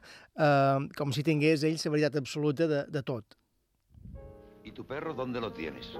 El tuerto murió en el invierno. Ahora tengo otro para el rebaño. Lástima. Estamos perdiendo el tiempo, José. Esta es la mejor hora. ¿Has visto conejos con la peste? Algunos se han visto, algunos. La otra semana cayó uno en un cepo. Lo que nos faltaba. No soporto los chullidos. Me dan escalofríos. ¿Sigues con la misma manía? ¿Pero por qué? Qué tontería. Prefiero morirme antes que quedarme cojo o manco. Además, da mala suerte. Clar, aquest tipus d'expressions, no? de sentències fermes que no tenen cap tipus de sentit, no? eh, apareixen regularment durant, durant tota la pel·lícula i són també mostres constants que ja que ja vaticinen eh, tot el desastre que comentaves ara, no? que, vindrà, que vindrà després. Eh, mm, tanta tensió física i mental no, no acabarà bé. I, I en aquest tall també mos diu que eh, parla de, de, de la pesta, no? dels conills, Sí, o sigui, sí, sí. surten a caçar conills malalts. Sí, clar, que també és una referència simbòlica, perquè clar, és- és, una identificació amb, amb sa malaltia o, o, o la manca d'equilibri mental que tenen ells. Fixa que estan parlant, en teoria, gent molt segura d'ella mateixa, però sentim aquestes notes de piano de, de Luis de Pablo, que va fer la música, dissonants, eh, que, que, no, que és una, sembla, com a jazz, però no ho és, perquè no te dones compte i eh, va, va, va de la mà d'unes mentalitats inestables, perquè estan ells, i, i, i no obstant, sembla que no, sembla que són personatges que estan en control dels seus actes. Aquest Juan eh, també és molt interessant, perquè, clar, és un home eh, que està a la misèria, és a dir, i fins i tot arriben a dir a la pel·lícula deu estar coix perquè és conills malalts que menja, no? Eh, jo me recordo Paco el Bajo, de Los Santos Inocentes, però d'una època posterior i que ha estat abandonat. És a dir, eh, devia ser de jovenet una persona molt, molt útil per un senyorito d'allà, i ha quedat ja tirat. No? I, I fa el seu servei quan, quan, quan venen a fer, a fer les caceres. No? Um, I aquest no soporta los tullidos, diu moltíssim, no? Com, i fins i tot, lo de, además, de mala suerte, és a dir, que ja te, te demostra la manca d'empatia i tal. I aquest, aquest personatge que suposa que és el guanyador, que és el Paco, que és el que té els dos bes, molt bé, però aquí està molt bé en Saura, perquè, clar, guanyador de què? Perquè és més amargat, és més frustrat, és el que està més insatisfet en la seva vida. Eh? Per tant, no tenim cap referent. Llevat d'en Quique, però en Quique el que fa és, és copiar o, o, te, o admirar eh, persones que en realitat eh, haurien de ser persones de les que hauria de fugir. Després de xerrar i arreglar el món, entre ells, eh, comença la batuda. En José dirigeix l'operació perquè el terreny és seu, no? i les terres són seves, mm, però ell és el que ha de demanar el préstec en Paco. Sí. És curiós, no? També és terratinent un poc, tot i que Clar. hagi de demanar el préstec. Clar, cotar el cap. Eh, per això vol en Paco a prop. Cárgala y ve delante de mí. Yo te indicaré. Aquí empezamos. Rodearemos el monte. Paco y yo por la derecha y vosotros a completar la mano. Que vaya Enrique por una punta, es menos peligroso. ¿No te importa? Me da igual, como queráis. De acuerdo entonces. Vamos más adelantados Paco y yo. Después Enrique a la derecha. Y tú cerrando la mano por la izquierda. Oye, que esto no es una operación militar. Yo lo que quiero es disparar de una vez. A ver si nos pegas un tiro. Mo molt simbòlic també això que diu aquí, que no? Jo el que quiero és disparar. Mm -hmm. Curiosament, ets l'únic, com he comentat abans, que no va anar a la guerra. Sí, per, per això vol disparar. I té aquesta necessitat de mostrar i exhibir també la seva valentia, que no és valentia, o sigui, vol Clar. disparar a un, a un cuní. Després ja veurem eh, com acaba, però mm, té la necessitat aquesta de mostrar que, que ell també pot disparar, que es vol estrenar, no? Efectivament. Matant. Efectivament. I és una altra de tantes pinzellades crítiques, molt crítiques respecte al passat i al present del país. Eh, pensa que eh, el procés de Burgos eh, va ser l'any 70, és a dir, que tenim encara sí, un tard del franquisme evident, però que és molt delicat el moment per, per presentar una pel·lícula així.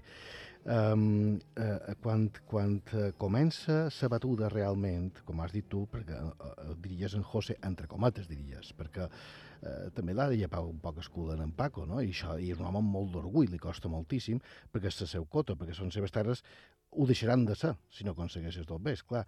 Eh, sembla el començament d'una operació militar. De fet, comença la música de percussió de fons, és a dir, no sembla que van a caçar. Sembla que van a fer una operació que va, va, passen d'una trinxera a una altra, no? I, i es mouen d'aquesta manera. Eh, I jo lo que quiero es disparar, és boníssim, i con, eh, eh, en Paco li contesta, a ver si nos vas a pegar un tiro, clar, et diu moltíssim això.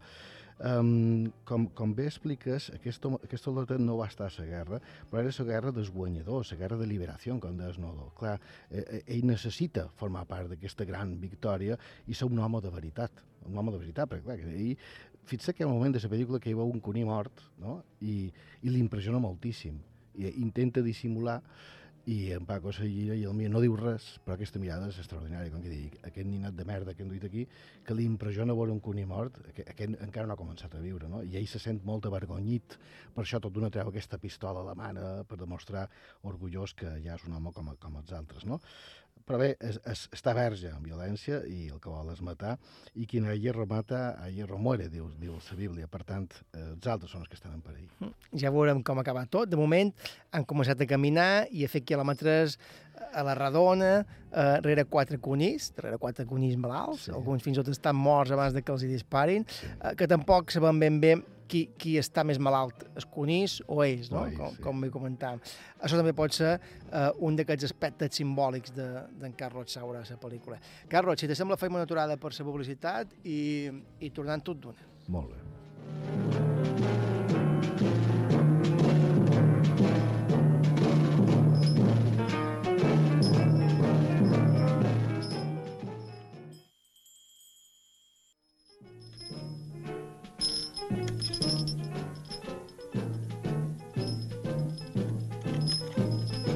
La pel·lícula.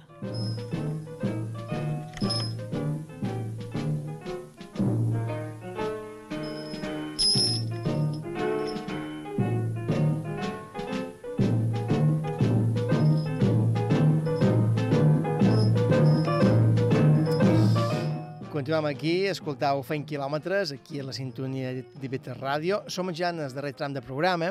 Parlem avui eh, amb Carlos Xuniet de La Caza, pel·lícula de Carlos Saura del 1966, que són quilòmetres d'intriga, tensió, quilòmetres de baixes passions, eh, molta testosterona...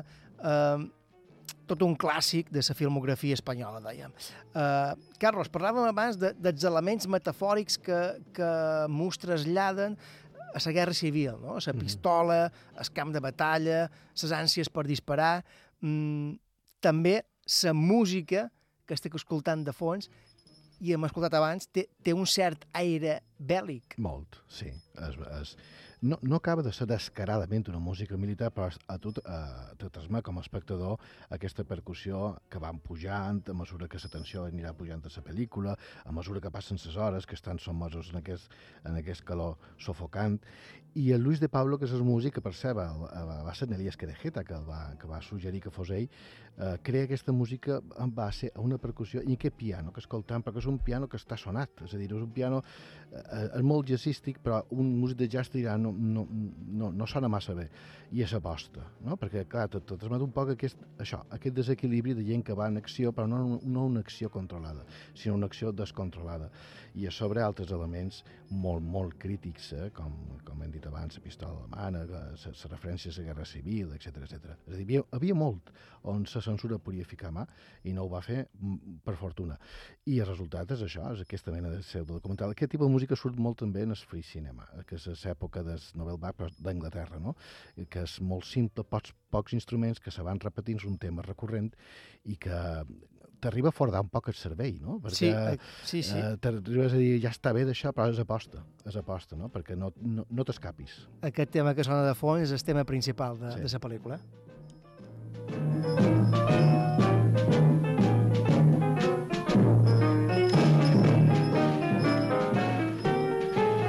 I bé, amb aquesta música d'aires militars de fons, avancen eh, amb un sol de justícia, fa molta calor, cada vegada troben més conills morts per malaltia, eh, i mentrestant en José, mm, en José pensa com ho ha de fer per dirigir-se a en Paco i demanar- demanar-li que presta, que és per lo que l'ha convidat, no? Sí.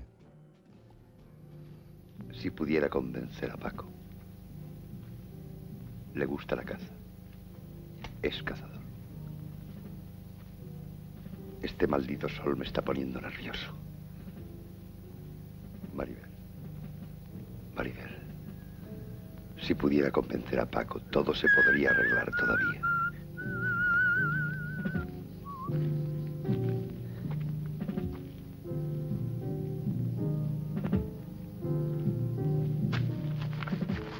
Això que escoltàvem eren els pensaments d'en Paco, no? Mm -hmm. De, de Paco, no, d'en José, De que José, pensa com José. comencen en Paco, i, i al final arriba en, en Luis, que xiula també melodies de guerra, no? Sí, sí, sí.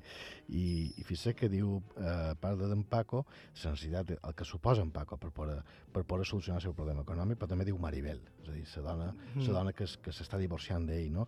Eh, si pudiera convencer a Paco, just amb aquest sol de, que, asfixiant, no trobar conills, els Paco troben estan malalts, tot és molt visceral, tot és molt ocult, són com a feres que estan amagades, no? que no acaben de, de, de goitar, però que estan a punt de votar, no? Um, I què pensa més de José, que sentim, després també el sentim els dels altres, no? És un altre recurs molt clàssic del teatre, perquè és un poc la parte dels Mhm. personatges teatrals, no? Perquè escoltem com a monòlegs interiors i això està molt bé. I just xiula a les melodies de guerra en Luis, que va ser seva boia, aquest tio, i veu un escorpí no? I, el, i el tropitja, no? Uh, primer s'assusta i després el tropitja. Clar, escorpí eh, representa l'amenaça, però l'amenaça són ells, no, no és escorpí, és a dir, que és una identificació. Mm, I el que sentirem ara són els pensaments d'en Paco, que són la resposta gairebé telepàtica sí. en el monòleg interior que ha fet en José. ¿Por qué cerrará los cepos? Ese Juan se alimentará solo de conejos. Conejos apestados. Por eso está cojo. Este calor insoportable. ¿Cómo se me ocurrió decirle a José que sí a lo de la caza? Qué estupidez. Me ha invitado a cazar para pedirme dinero. Estoy seguro. ¿Para qué si no? Clar, eh, aquí veiem que en realitat en Paco no té cap apreci per en José i se'n dona compte mm, de per quin motiu l'ha convidat allà. no en, té, no en tenia... Bé, és a dir, en té, però en tenia eh, teòricament. El que passa que eren, eren camarades de guerra. Ara aquesta camaraderia és falsa. Els camins que han seguit són completament separats. I ara, eh, eh, quan, quan sentim aquest, la veu d'ell, acaba en un moment que, que veiem s'acusa, que no en cuca. Un ca, una pel·lícula sempre crea simpatia, sempre hi ha una necessitat de protecció. I hi ha un moment que té un moviment i està a punt de matar, matar s'acusa, no? Se nota la ràbia que du dins.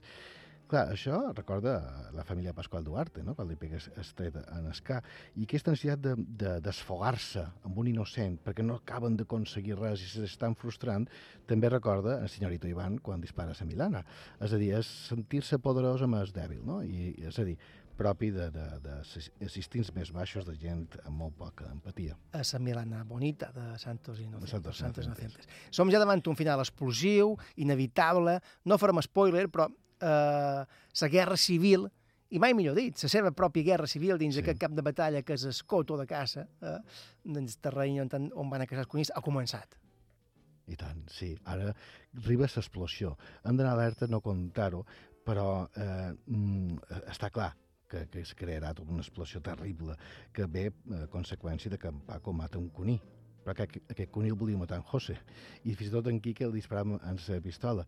Només això i, i la plena convicció d'en José que no aconseguiràs tot bé crea aquest mig segon de, de, de, de, de descontrol mental i produeix el desastre. Pensa que la sang que ensumen els taurons. Eh? Crea, crea aquesta histèria, aquest frenesí eh, eh, espantós, no? i la violència escalonada se destapa. Tot estava creixent dins ells, és a dir, que són odis que s'estaven amagats i que ara esclaten. Podem sentir l'escena sí. perquè mm, val de menys sigui una de les escenes finals qui no l'hagi vista pot tornar a veure la pel·lícula perquè la gaudirà igualment. Uh, sentim l'escena i que l'audiència imagini. Perfecte.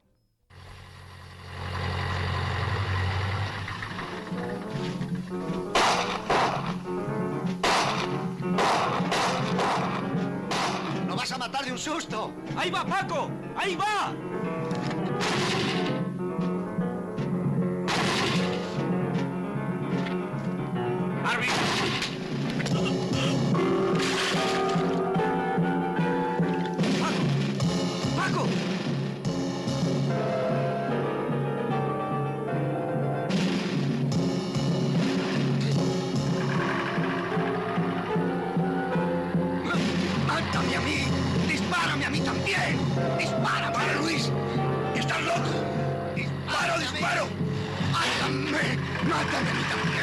para también! ¡Para.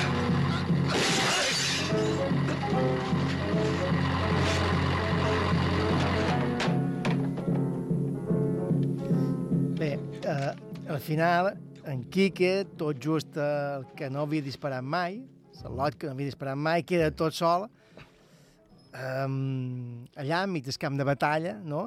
Mm, rodejat de cadàvers. Sí, eh? sí. I precisament allò que ja havia estat un terreny de camp de batalla, un terreny de, de, de guerra, ho torna a ser.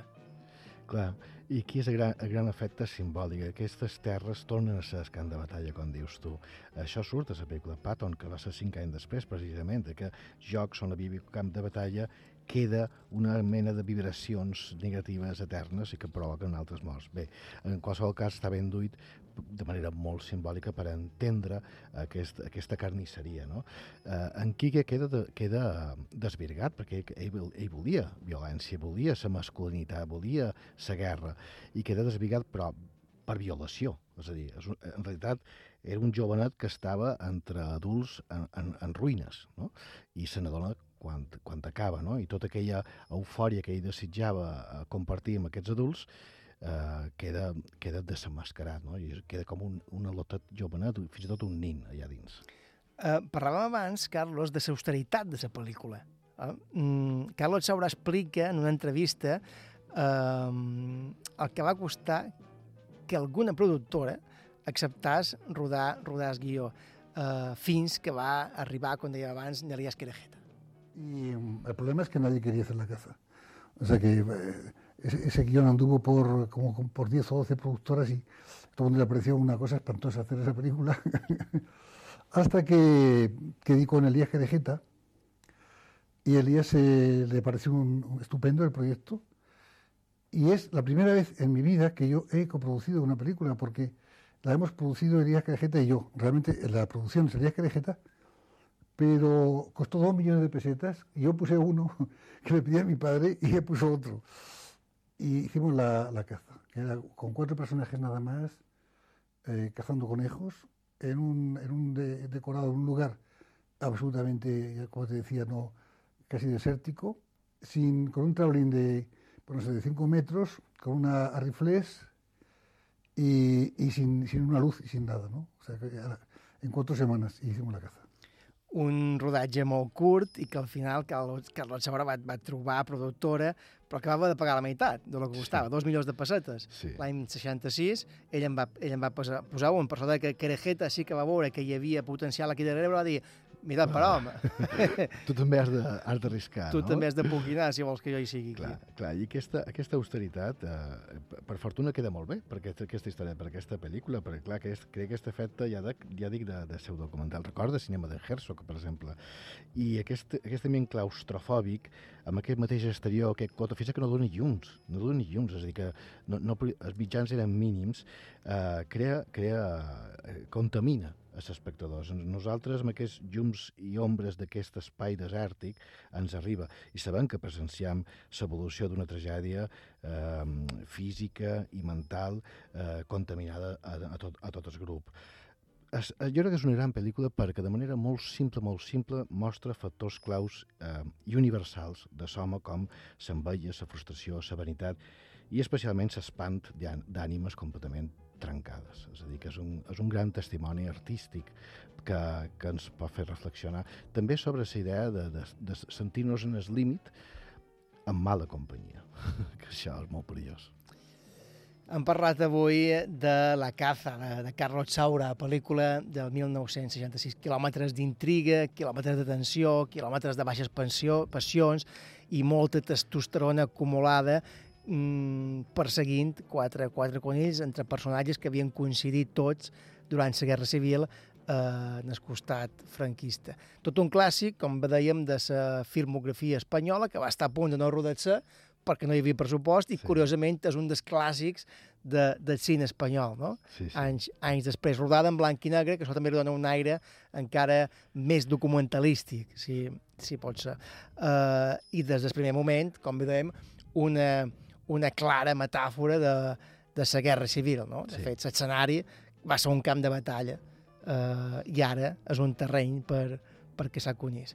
Uh, ja ho dius tu, Carlos, l'esforç físic i mental pot donar molt bons resultats, a vegades, però, pot fer aparèixer que mostres interns més profuns i més amagats que poden dur eh, conseqüències eh, molt, molt nefastes. Ben dit, Joan. Carlos, fins aquí eh, el darrer feint quilòmetres de 2020. Molt bé. Dilluns començam, eh, dilluns 4 de gener, primer programa del 2021, vindràs també, no? I tant, i tant. I ja està bé, ja, ja està bé, bé passar pàgina d'aquest any. Eh? Sí, Deixar-ho sí, sí, ja està bé. Ja està bé començar un any nou, eh, noves propostes, noves idees, noves pel·lícules, eh, nous, nous llibres i noves converses. Ah, aquí estarem, aquí estarem per tot això. Eh, bon any. Bon any, Joan. Molt bon any. Eh, salut i quilòmetres. Tornem la setmana que ve. Serà el 2021. Aquí serem. Bona nit, amics. Hello, darkness, my old friend. I've come to talk with you again. Because a vision softly creeping left its seeds while I was sleeping. And the vision that was planted in my brain still remains within the sound of silence. In restless dreams I walked alone, narrow streets of cobblestone, neath halo I turned my collar to the cold and damp. When my eyes were stared by the flash of a neon light that split the night and touched the sound of silence. And in the naked light I saw Ten thousand people, maybe more. People talking without speaking. People hearing without listening. People writing songs that voices never share. No one did disturb the sound of silence. Fool said I do not know. Silence like a cancer grows.